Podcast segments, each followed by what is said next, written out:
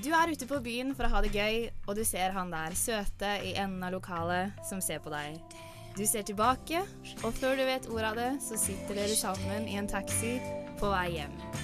Til det som ganske sikkert skal bli noe mislykka, flaut og teit. Eller kanskje ikke. Ny forskning viser nemlig at slike fordommer om at one night stands er dårlige opplevelser, faktisk ikke stemmer helt. For mange finnes mye glede og nytelse i nettopp disse engangsliggende. Med meg i studio så har, vi, så har jeg eh, en som må kunne sies å være ekspert på fylla. Du har forska mye på fyll og rus. Jeg vet ikke hvor mye du er på fylla selv, men du observerer i hvert fall andre som er på fylla. Velkommen til deg, sosiolog eh, ved Universitetet i Oslo, Willy Pedersen. Tusen takk. Aller først så har jeg litt lyst til å spørre deg hvorfor du tror det er så mange som har inntrykk av at one night stands bare er dårlige opplevelser?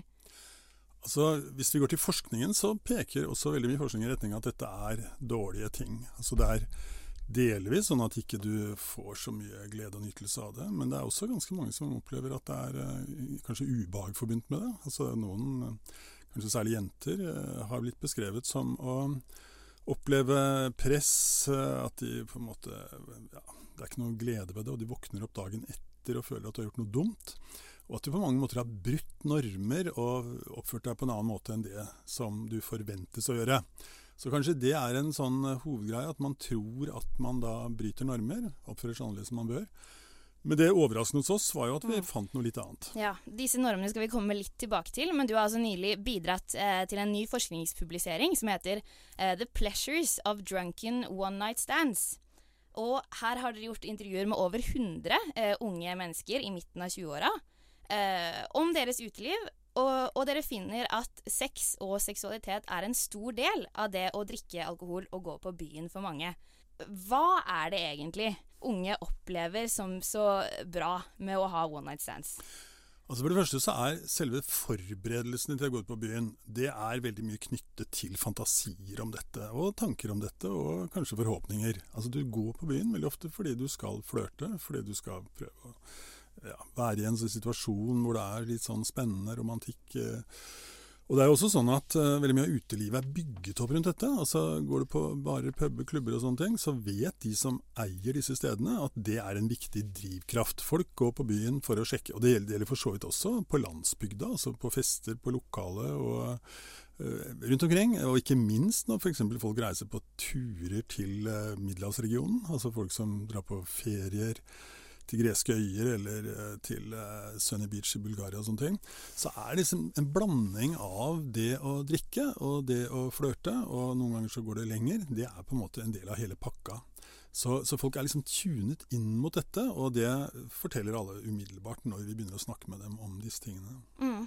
Det er jo nettopp disse fortellingene som du har eh, analysert, og du snakka om i forkant så er det mye forventninger, men i ettertid av eh, et ligg, så er det også noe ja, altså dette, Vi kaller jo denne en slags narrativ studie som har å gjøre med fortellinger. Eh, vi vet jo ikke, vi har jo ikke vært inne på soverommet eller hvor det måtte foregå. Det foregår mange forskjellige steder forresten, eh, og observert akkurat hva de gjør. Men vi, det vi har tilgang til er jo fortellingen om det i etterkant.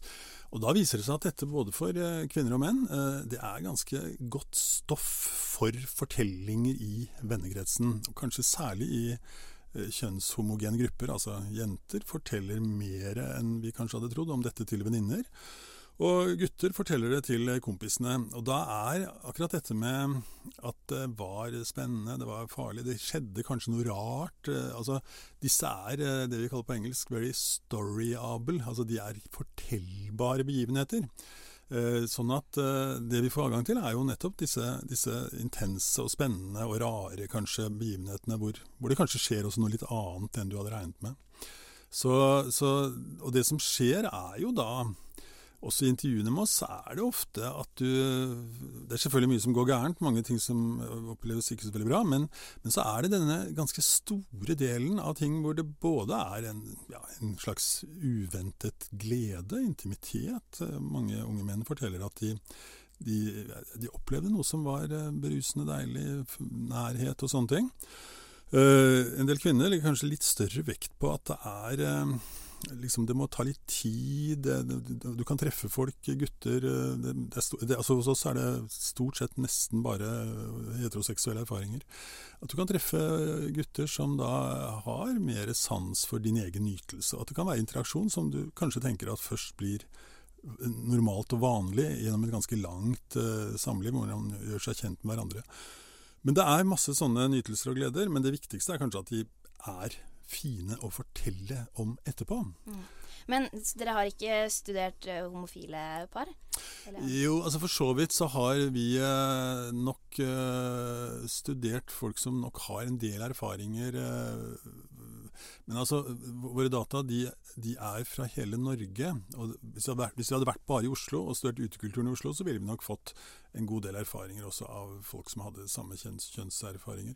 Men det, det vi har uh, opplevd, det, det, er nok ja, Det er noen få som har uh, rapporterer hendelser eller erfaringer hvor det er to av samme kjønn. og en tredje av et motsatt kjønn og sånne ting. Men i all hovedsak så er dette heteroseksuelle erfaringer. Mm. Hvilken rolle spiller humor da i disse fortellingene?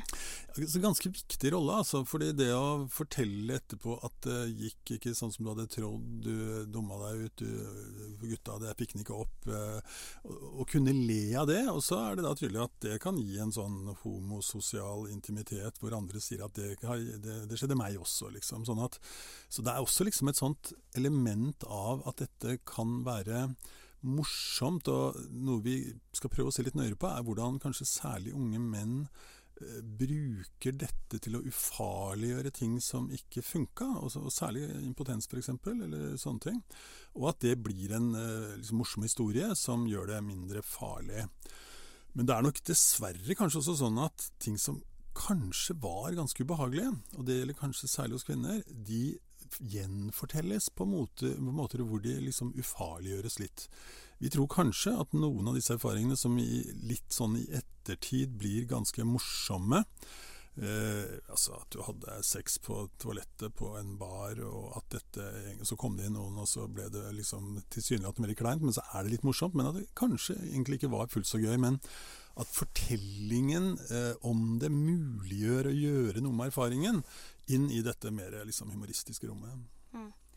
Tror du fortellinger om sex har mye, eller spiller en stor rolle i mange vennegjenger?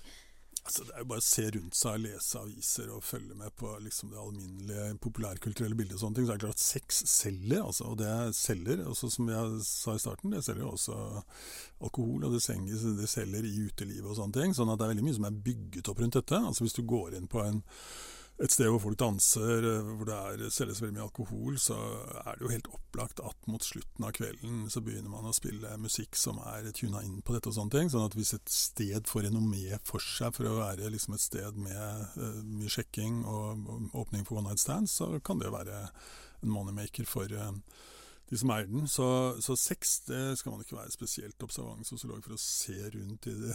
Nei, Men er det lettere å snakke om one night stands enn å snakke om uh, sex i et uh, parforhold? Altså Det er det helt opplagt. fordi at uh, one night stands er tross alt noe som er litt koblet fra ditt vanlige egne liv. Altså Hvis du har problemer med å få orgasme sammen med kjæresten din som du har vært sammen med i to år, liksom, så er selvfølgelig det trøblete å snakke om det kanskje for en jente, vil jeg tro.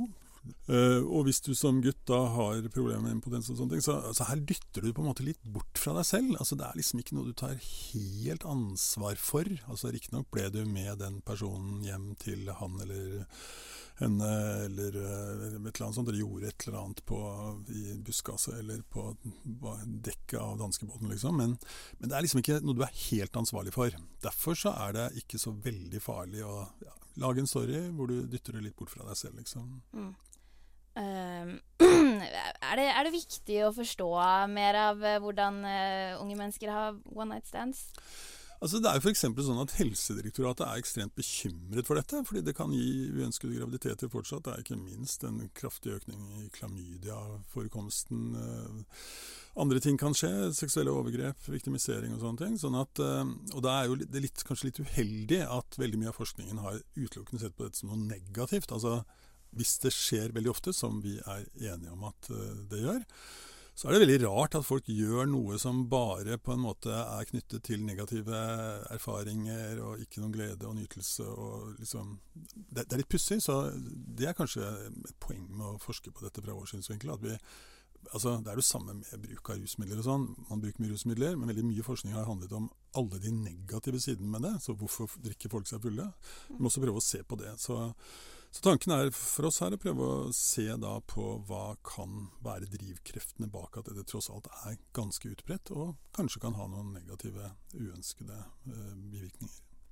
Men, uh, ja. Men akkurat uh, i forkant og med forventninger, og i ettertid med historie, gode historier, så er det positivt. Så er, jo, ja, så er, det jo, selvfølgelig altså Vi skal ikke legge inn noen sånne moralske vurderinger av dette, egentlig. Vi prøver å kartlegge hva som er drivkrefter, både i forkant og etterkant. Uh, og da forteller i hvert fall folk om dette på en ganske overraskende positiv måte. Mange ler, mange forteller om dette som pussige, merkelige ting som de også har hatt en viss glede og nytelse ved, oftere enn tidligere forskning har uh, pekt på. Det, det får vi la bli siste ord. Tusen takk for at du kom i studio og snakka mer om, eh, om over 100 ungdommers erfaringer med one night stands. Ja, Willy Pettersen, takk. Takk for det.